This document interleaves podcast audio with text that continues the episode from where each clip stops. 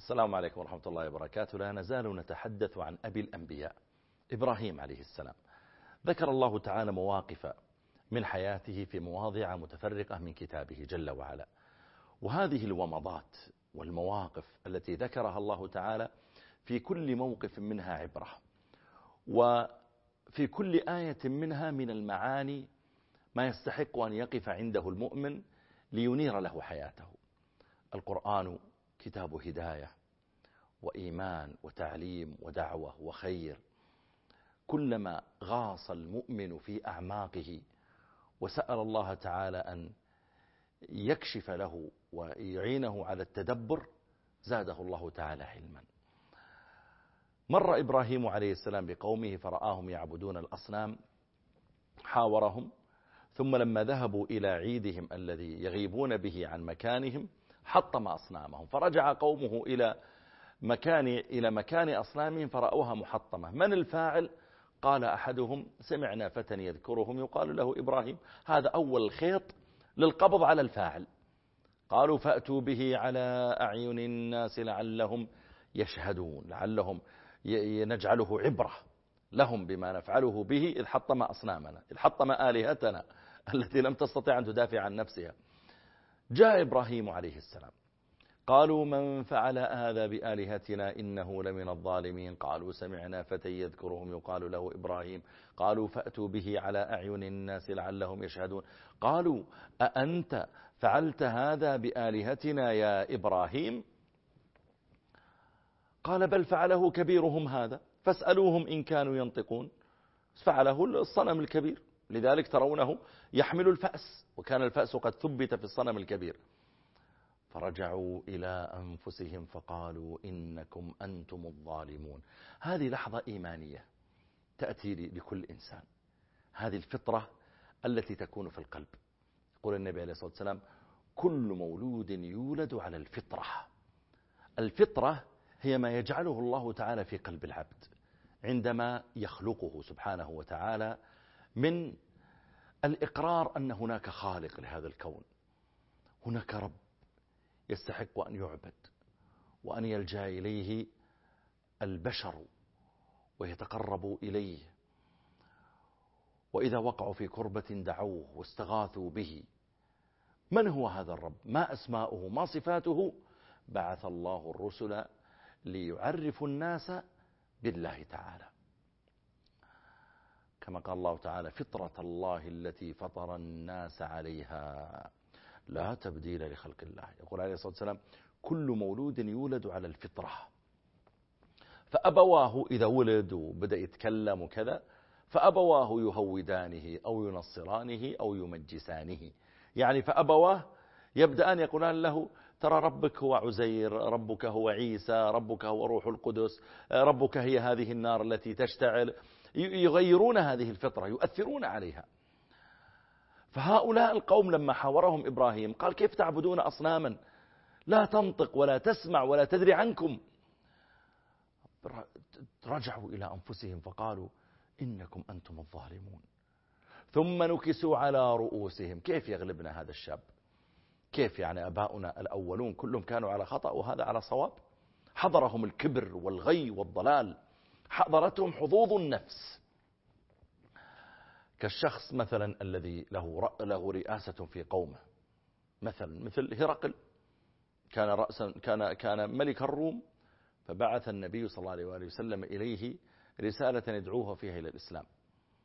وكان في آه، الشام في ذلك الحين أبو سفيان وجمع من الناس من أهل مكة. ولم يكن أبو سفيان قد أسلم بعد. فناداه هرقل وسأله عن النبي صلى الله عليه وسلم وأبو سفيان أخبره بحال النبي عليه الصلاة والسلام. وأبو سفيان لم يسلم بعد لكنه سأله عن أتباع النبي عليه الصلاة والسلام. هل كان من آبائه من ملك؟ إلى آخره. أيقن هرقل أن النبي صلى الله عليه وسلم على حق. لكنه ظن بملكه. خاف على ملكه أن يذهب بين يديه. وخاف على الأبهة والظهور أن تذهب من بين يديه. فآثر أن يبقى على ضلاله من أن يتبع النبي صلى الله عليه وسلم. قوم إبراهيم منعهم الكبر. كيف يعني؟ أباؤنا كانوا على خطأ وأنت على صواب؟ ولذلك قال الله فرجعوا إلى أنفسهم. صاروا يتكلمون مع بعض. إنكم أنتم الظالمون أنتم المخطئون أصلا. ثم نكسوا على رؤوسهم. انتكسوا. بعدما كادوا أن يستقيموا وإذا بهم ينقلبون. نكسوا على رؤوسهم وقالوا لإبراهيم لقد علمت ما هؤلاء ينطقون. عندها جاءت الحجج مباشرة من إبراهيم كالقذائف. قال أفتعبدون من دون الله ما لا ينفعكم شيئا ولا يضركم.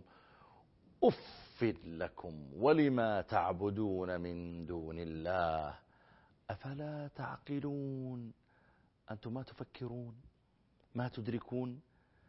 عقولكم هذه لا تستعملونها في الدلالة على الخالق والاستدلال عليه.